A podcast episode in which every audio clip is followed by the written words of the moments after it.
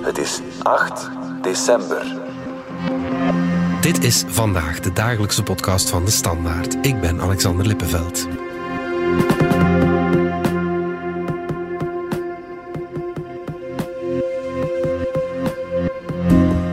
De oorlog in Gaza is twee maanden bezig. De confrontatie is niet de eerste, maar wel de bloedigste uit de lange geschiedenis van het conflict tussen Israël en Palestina. Tijd voor de bredere context die in de dagelijkse berichtgeving soms ontbreekt. In de vorige aflevering van DS Vandaag ging het tot 1948. Vandaag gaan we verder. Hoe is het conflict sindsdien verlopen?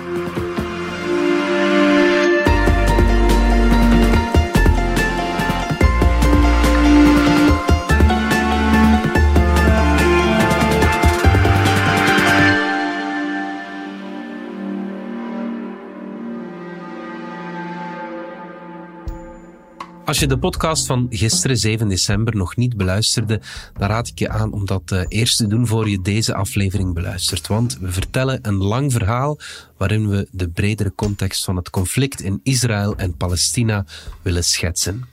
In de vorige aflevering gingen we naar de wortels van dit conflict. Midden-Oosten-correspondent Jorn de Kok vertelde ons over hoe de Tempelberg in Jeruzalem centraal staat in alle geschillen en hoe een zionistisch pamflet het idee van een Joodse staat deed ontstaan eind 19e eeuw. We gingen ook dieper in op de rol van de Britten in de Eerste Wereldoorlog en het interbellum. We hadden het over de Tweede Wereldoorlog en over de oprichting van de staat Israël in 1948. Van daaruit gaan we vandaag verder. Zoals ik gisteren zei, we kunnen niet alles vertellen, maar we proberen toch een helder beeld van de feiten te schetsen. Los van deze podcast verwijs ik ook graag naar het werk van onze buitenlandredactie, want we schrijven elke dag over de oorlog in uh, Gaza. Menselijke verhalen, maar ook de bredere geopolitieke analyse. Je vindt alles in de krant en natuurlijk op uh, standaard.be. Jorn de Kok, we hadden dus die uh, oprichting van Israël in 1948. Wat is er in die eerste decennia daarna gebeurd? In die twintig jaar na de stichting van Israël was het eigenlijk nooit echt rustig geworden. Hm. Je zit al in 1956 met de Suezcrisis. Israël dat samen met Groot-Brittannië en Frankrijk probeert het Suezkanaal over te nemen dat in Egypte ligt. Hm. Je had in Egypte intussen een uh, militair bestuur, zeg maar, onder een steeds sterkere man, Nasser. Er was aan de Palestijnse kant blijvend verzet, ook gewapend tegen de stichting van die staat Israël. En het feit dat Israël zo sterk was gegroeid, veel groter dan het partitieplan van 1947 had voorzien. Dus je zat ook aan de Palestijnse kant met een toenemende organisatie. De bekendste daarvan is de, de PLO, de Palestijnse Bevrijdingsorganisatie, die eigenlijk een, overkoepeling was van diverse Arabisch-nationalistische, Palestijns-nationalistische groepen, vaak guerrilla-groepen, die bleven op kleiner niveau bleven vechten tegen Israël en vice versa. Dus rustig werd het eigenlijk nooit. Ja, maar dan in 1967 komt er de grote klap, de Zesdaagse Oorlog. Waarom is die zo belangrijk? Wel, die Zesdaagse Oorlog die is uh, absoluut belangrijk, omdat we eigenlijk vandaag nog altijd zitten met de nasleep van die Zesdaagse Oorlog. Dat was namelijk de grote Israëlische verovering van westelijke Jordaan over Oost-Jeruzalem met de oude stad en die Tempelberg, waar we het in de vorige aflevering over hadden, van Gaza, van de Golaanhoogten. Mhm. En dat wordt dus ja, de militaire bezetting van Palestijns gebied genoemd, mhm. die nu intussen 56 jaar al bezig is. Mhm. En die dus daarom ja, uitermate relevant blijft. Neem ons eens mee naar uh, dat jaar 1967. Het is in dat jaar onrustig. Nasser dreigt ermee vanuit Egypte dus om eigenlijk de zeetoegang tot Zuid-Israël aan de straat van Aqaba om die te sluiten. Als gevolg van de Suezcrisis was er ook een, een soort van VN-vredesmacht aan de Israëlisch-Egyptische grens. Eigenlijk vertrouwde Nasser en de Israëli's elkaar niet goed. En op een bepaald moment maakt Israël eigenlijk gebruik van een herpositionering van enkele Egyptische brigades om te zeggen: Egypte gaat ons aanvallen, dus gaan wij een zogenaamde preemptive strike uitvoeren. Mm. Nasser was absoluut niet klaar voor zo'n oorlog en zijn Egyptisch legers, waaruit ook blijkt dat hij dus eigenlijk geen aanvalsplannen had. Maar Israël heeft dus uh, in juni 1967 eigenlijk kort en krachtig hard toegeslagen, beginnend met de Israëlische luchtmacht, die meteen de hele Egyptische luchtmacht plat bombardeerde. Dus meteen was er algemeen luchtoverwicht. En uh, Israël viel dus zowel Gaza als de Sinaï-woestijn binnen mm. en veroverde die ook. Syrië voegde zich aan de andere kant dan na vijf dagen ook bij de gevechten rijkelijk laat. Wat Israël dan weer de gelegenheid bood om de Golanhoogten, die tot dan toe vooral in Syrische handen waren, om die in te nemen. Jordanië aarzelde een beetje. Israël veroverde Oost-Jeruzalem. Je hebt befaamde foto's van Israëlische soldaten die dus eindelijk tot de klaagmuur en tot de Tempelberg, die wordt op dat moment veroverd. Dus een legendarisch moment eigenlijk in de Israëlische geschiedenis, want de oude stad van Jeruzalem behoort hen weer toe. Ja. Met dan ook de hele westelijke Jordaan over. Hm. Die dus ja, na zes dagen is beklonken. Vandaar dus de Zesdaagse Oorlog in juni 1967. En kwam er dan een tegenreactie van de Arabische landen? Het uh, Arabische antwoord kwam dan in 1973, zes jaar later, toen Egypte en Syrië eigenlijk hetzelfde deden als Israël in 1967, namelijk een onverwachte verrassingsaanval. Eh, er wordt nu met de Hamas-aanval van 7 oktober vaak verwezen naar die, naar die oorlog van 1973. Mhm. Omdat uh, Israël op 7 oktober, net zoals toen, eigenlijk, zoals we nu weten, ondanks herhaalde waarschuwingen vanuit de inlichtingendiensten, uh, zich toch compleet liet verrassen. Dus in 1973 vielen Egypte en Syrië aan uh, rond een Joodse feestdag, Yom Kippur. Ja, dat is de Yom Kippur-oorlog, zo wordt die genoemd. Hè? Ja, ja, ja. ja, gedurende veertien dagen eigenlijk ook maar weer. Hè. Israël heeft zich zeer schrap moeten zetten. Dat joeg een existentiële angst door Israël, omdat Egypte en Syrië aanvankelijke successen boekten. Onder meer dankzij snelle Amerikaanse wapenleveringen en een complete, inderhaaste, complete mobilisatie heeft Israël zich dan wel schrap kunnen zetten. These convoys of armored track vehicles have been moving up the road out of Israel towards the Sinai desert. This is the beginning of the desert now. We're told that another convoy of armored tracks and tanks and ammunition will be moving up here tonight. We are now in the middle of the battles. We continue our counter-attack and we shall break and destroy completely all the attacking forces. Maar dat gevoel van het was kantje boordje toen, dat is eigenlijk nooit uit die Israëlische samenleving verdwenen. Mhm. En het feit dat nu op 7 oktober met de Hamas-inval in Israël die vergelijking wordt gemaakt met 1973, uh, onze politiek negeerde de gevaarlijke situatie die de Israëlische politiek voor een deel zelf had gecreëerd. Waarschuwingen werden in de wind geslagen en plots was er een existentiële bedreiging voor Israël. Ja, dat, dat zit er dus nog altijd in. Mhm. Een positief gevolg, volgens sommigen, is dat uh, Israël zich toen wel geroepen voelde om tenminste die situatie met Egypte om die uit te klaren. En dat heeft dus geleid tot de Camp David-akkoorden onder Amerikaanse bemiddeling eind jaren 70, waarbij dus ook de Sinaï-woestijn dan terug in zijn geheel werd teruggegeven aan Egypte in ruil voor een vredesakkoord. Ja, we luisteren even naar uh, een fragmentje van toen. Je hoort Amerikaans president Jimmy Carter, die bemiddelde tussen uh, Anwar Sadat, de president van Egypte, en Menachem Begin, de premier van Israël. When we first arrived at Camp David,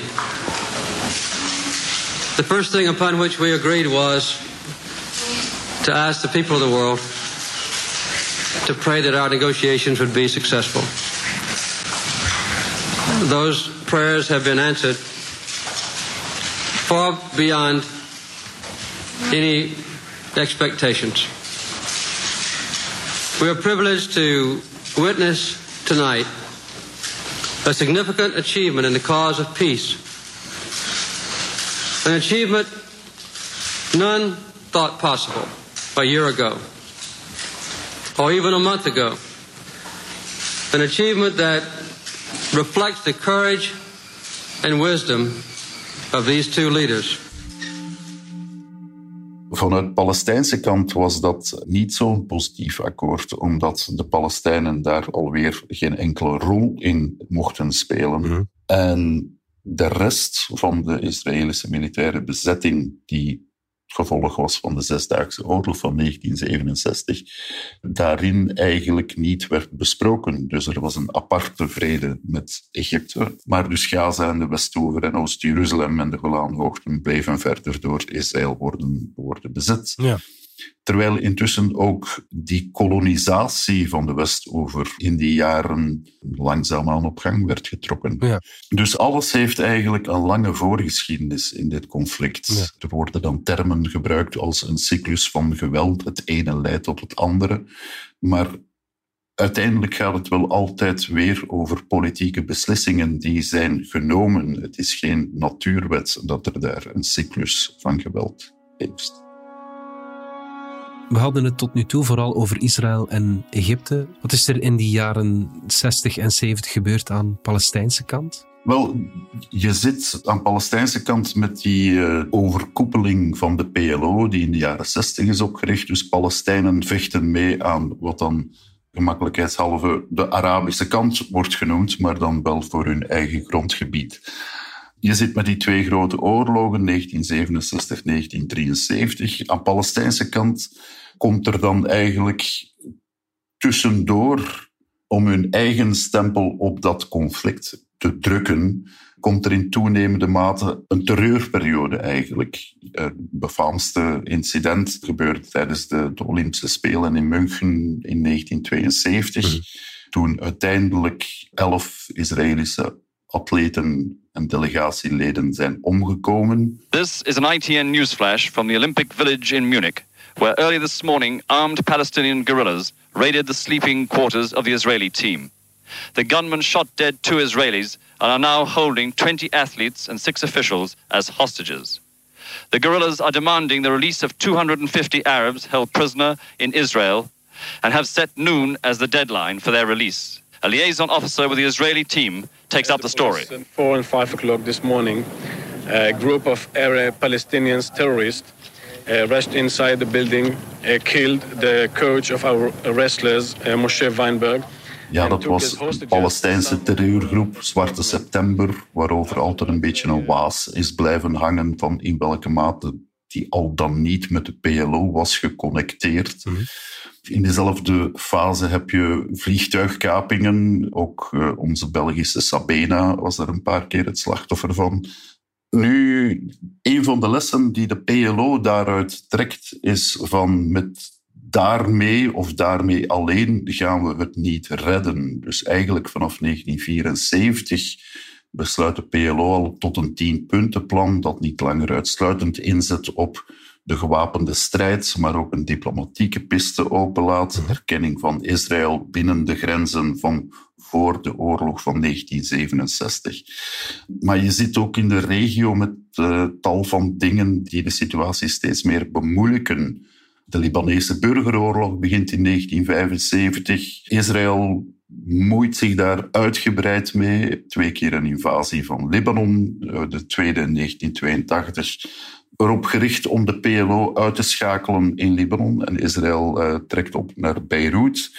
Dus uh, alles is complex. Je zit dan ook nog in de Koude Oorlog. Hè? De, de Amerikanen die eigenlijk in het begin, jaren 40, jaren 50, niet zo dicht bij Israël stonden.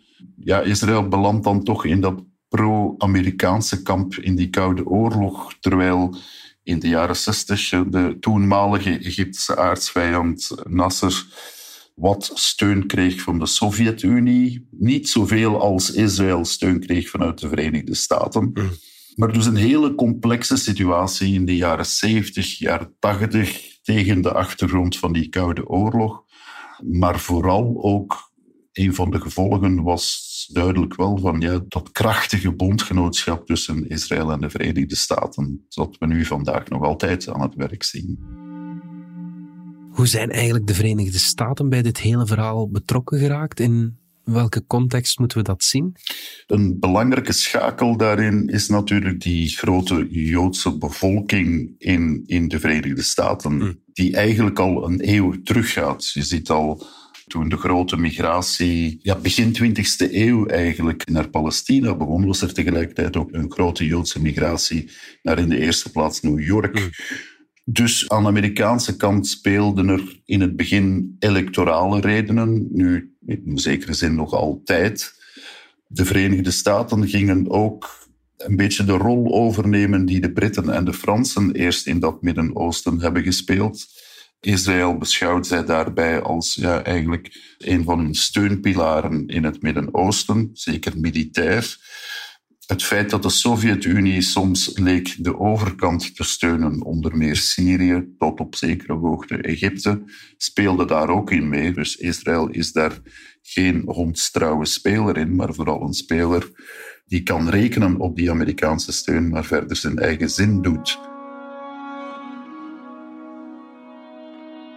Goed, Jorn, we keren terug naar ehm, Israël en Palestina zelf. Eind jaren tachtig ja, vindt een belangrijke tegenactie van de Palestijnen plaats, de eerste intifada. Om te beginnen, dat woord, wat, wat betekent dat juist, intifada? Ja, dat betekent zoveel als opstand en wordt vaak eh, de stenen opstand genoemd, omdat ja, het, is vandaar dat we het beeld hebben, het klassieke beeld eigenlijk van het Israëlisch-Palestijns conflict van Palestijnen die met stenen gooien naar het Israëlische leger. Eigenlijk eh, is dat het beeld van David tegen Goliath. Uit de Bijbel alleen ziet Israël zich graag als David, maar het zijn wel de Palestijnen die in dit geval eigenlijk de rol van David gaan spelen en met stenen gooien. Die opstand van 1987 kwam eigenlijk een beetje als verrassing ook voor buurlanden en zelfs voor Palestijnse organisaties als de PLO. Mhm. Je zit met die toenemende Israëlische kolonisering van de Westover, van Oost-Jeruzalem. En mensen komen daartegen in opstand. In hun eigen straat, in hun eigen dorp, in hun eigen stad. Maar dat krijgt dus een zeer grote allure, ook omdat Israël daar zeer hevig op reageert. En je zit met de toenmalige minister van Defensie, Rabin. Mhm ja, die de opdracht geeft om de armen en benen te breken van de stenengooiers.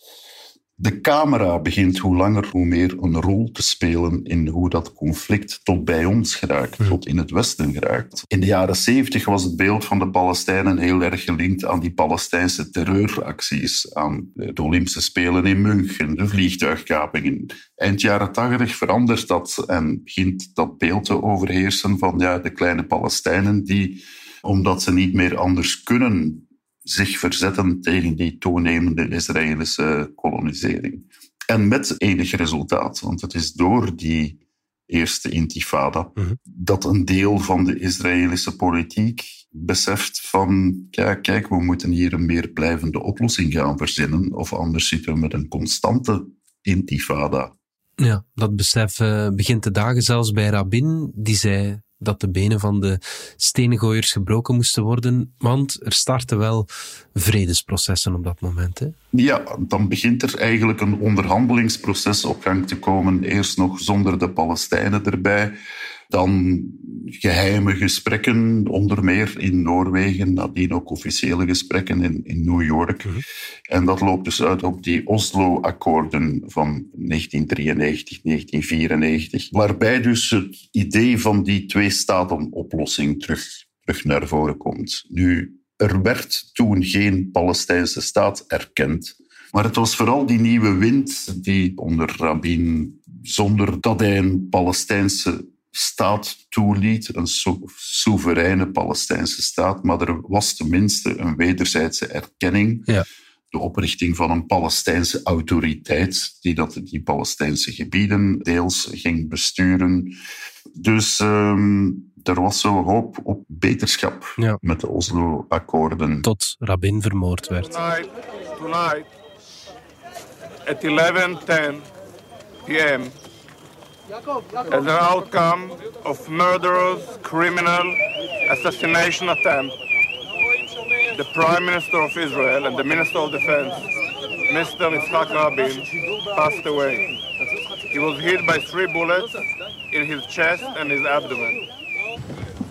To the people of Israel, I want you to know that the hearts and prayers of all Americans are with you.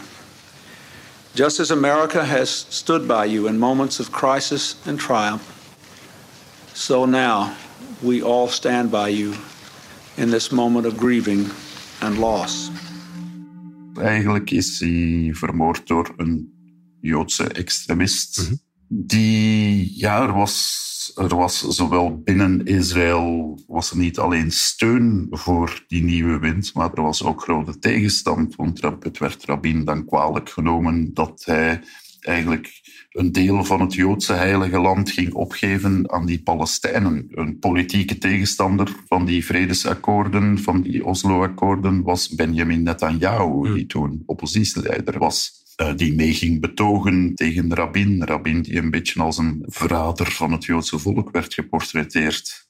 En daarna niet toevallig door een Joodse extremist. Daarom werd het vermoord. Hmm. En aan Palestijnse kant, hoe werd er daar naar die Oslo-akkoorden gekeken? Wel, een deel van de Palestijnen ging daarin mee, want er was natuurlijk, ook al kregen ze dan nog geen eigen staat, er was vooruitgang. Erkenning van die Palestijnse autoriteit was een grote stap vooruit, omdat tevoren altijd over de hoofden van de Palestijnen heen was gepraat tussen Israël en de buurlanden, we het maar zeggen. En eigenlijk was de hoop dat dit dus zou evolueren naar, ja, naar die twee-staten-oplossing. Ook aan de Palestijnse kant was uiteraard niet iedereen daarin mee. Het werd een beetje beschouwd als te weinig voor de situatie waarin de Palestijnen zaten. Belangrijke kwesties werden niet behandeld. Wat ging er gebeuren met Oost-Jeruzalem? Mocht dat de Palestijnse hoofdstad worden of niet? En aan de Palestijnse kant zit je dan natuurlijk met een nieuw gegeven. Dat is in de loop van die eerste intifada is er een nieuwe organisatie naar boven gekomen. Een islamistische organisatie. Verwant met de, de regionale moslimbroederschap. En die heet Hamas. Dus die is pas laat eigenlijk in dit hele historische verhaal gekomen. En pas eind jaren tachtig. En werd in het begin door de Israëlische veiligheidsdiensten eigenlijk ook met, ik zal niet zeggen met sympathie uh, bekeken, maar men zag daarin eigenlijk van, ja kijk, als Hamas het de PLO en dan later de Palestijnse autoriteit moeilijk maakt mm-hmm. en eigenlijk de zaak verdeelt aan de Palestijnse kant, Hamas was tegen die Oslo-akkoorden, dan verzwakken we eigenlijk de hele Palestijnse beweging richting twee-staten-oplossing. Hmm.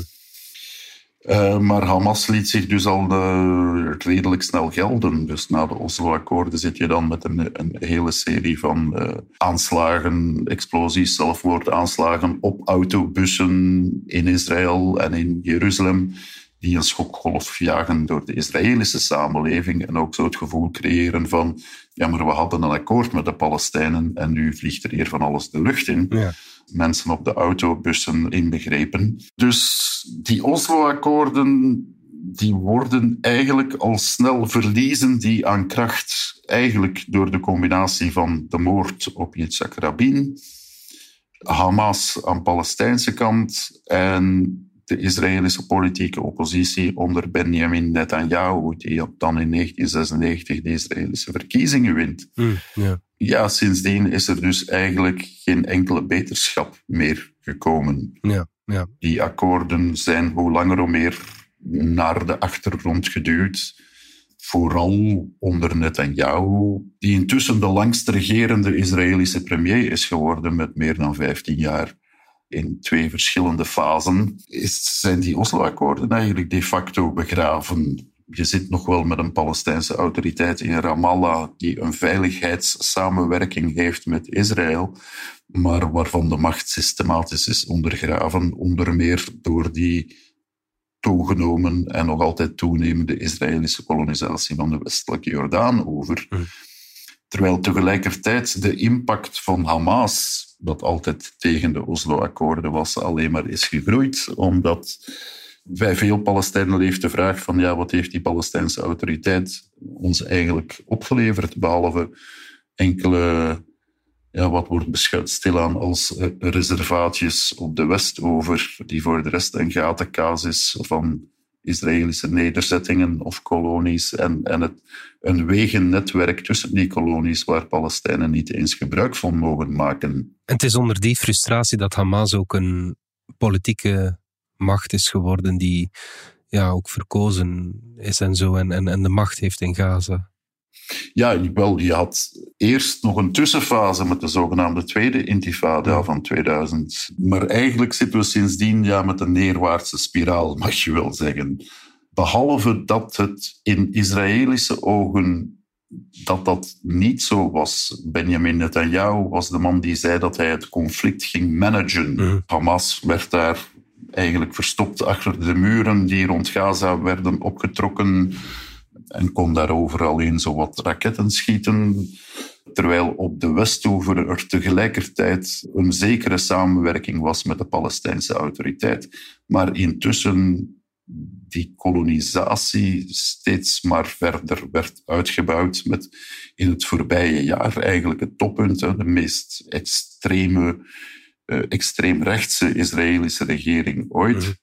Ja, nu het hoogste aantal slachtoffers dit jaar, zowel aan de Israëlische kant natuurlijk sinds 7 oktober, als aan de Palestijnse kant hmm. sinds de Tweede Intifada. En eigenlijk zijn we al ja, ligt het dodental uh, nu door de oorlog in Gaza al ver daarboven. Israel is at war. Tonight, battles raging in the streets of southern Gaza. Je kan het niet gemist hebben. Het is oorlog in Israël en de Palestijnse gebieden. Ja, in de Gazastrook zet het Israëlische leger zijn opmars richting zuiden voort.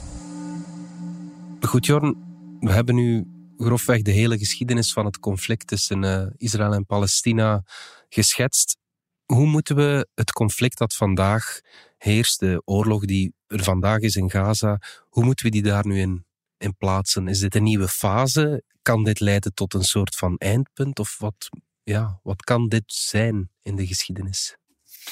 Wel, een eindpunt is het zeker niet. Mhm.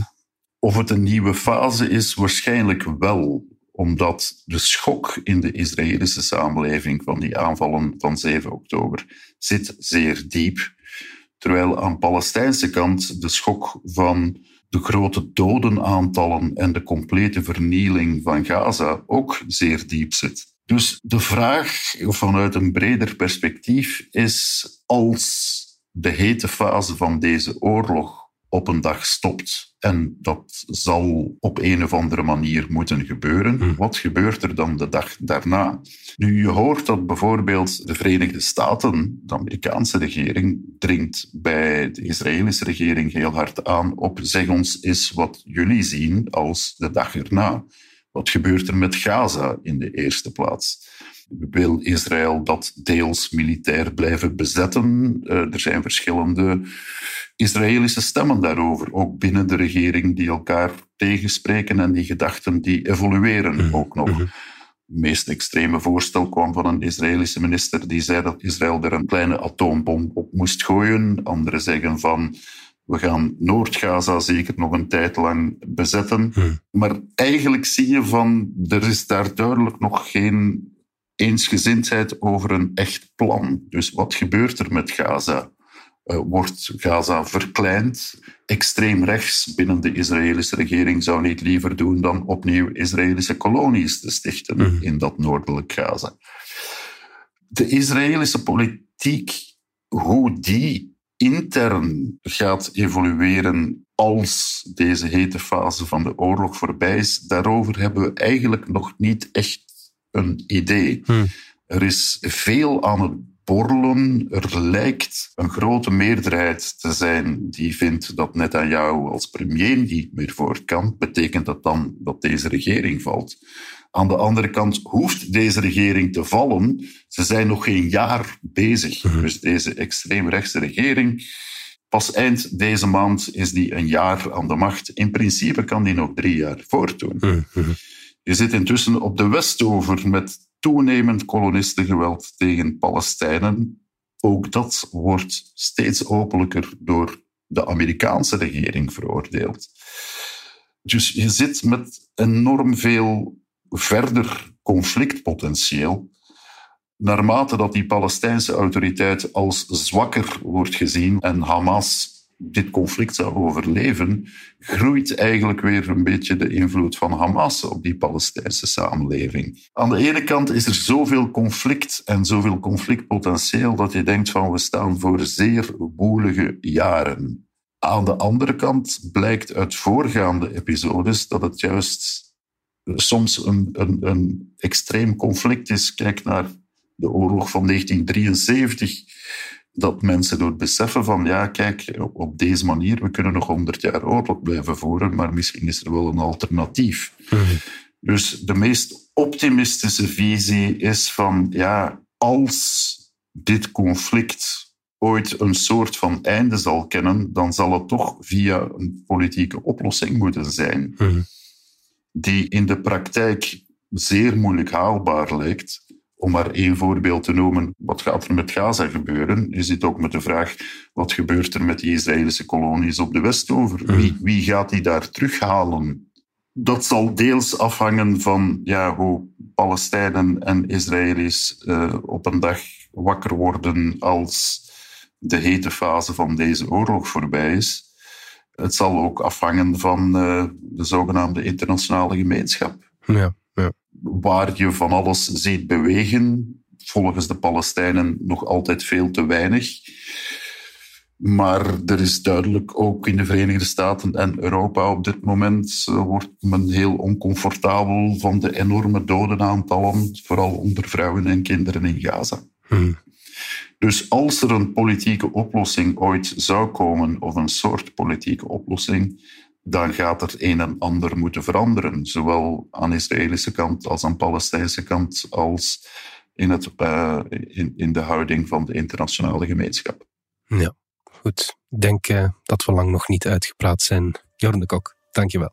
Alsjeblieft. Voor we uitgaan, nog even deze boodschap. Haardroger kopen. Goedkope föhn. Luisteren Instagram en Facebook stiekem met je mee. Wachten op advertenties over haardrogers hoeft alvast niet.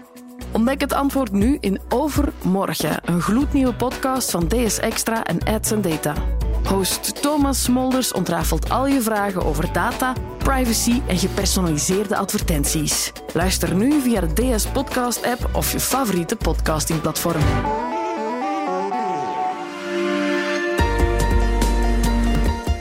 Dit was vandaag de dagelijkse podcast van de Standaard. Bedankt voor het luisteren. Volg ons op Spotify, Apple Podcast of eender welk ander podcastplatform. Of download de vernieuwde app DS Podcast, waar je ons werk en de beste luistertips van onze redactie terugvindt. Alle credits van de podcast die je net hoorde vind je op standaard.be-podcast. Reageren kan via podcast.standaard.be.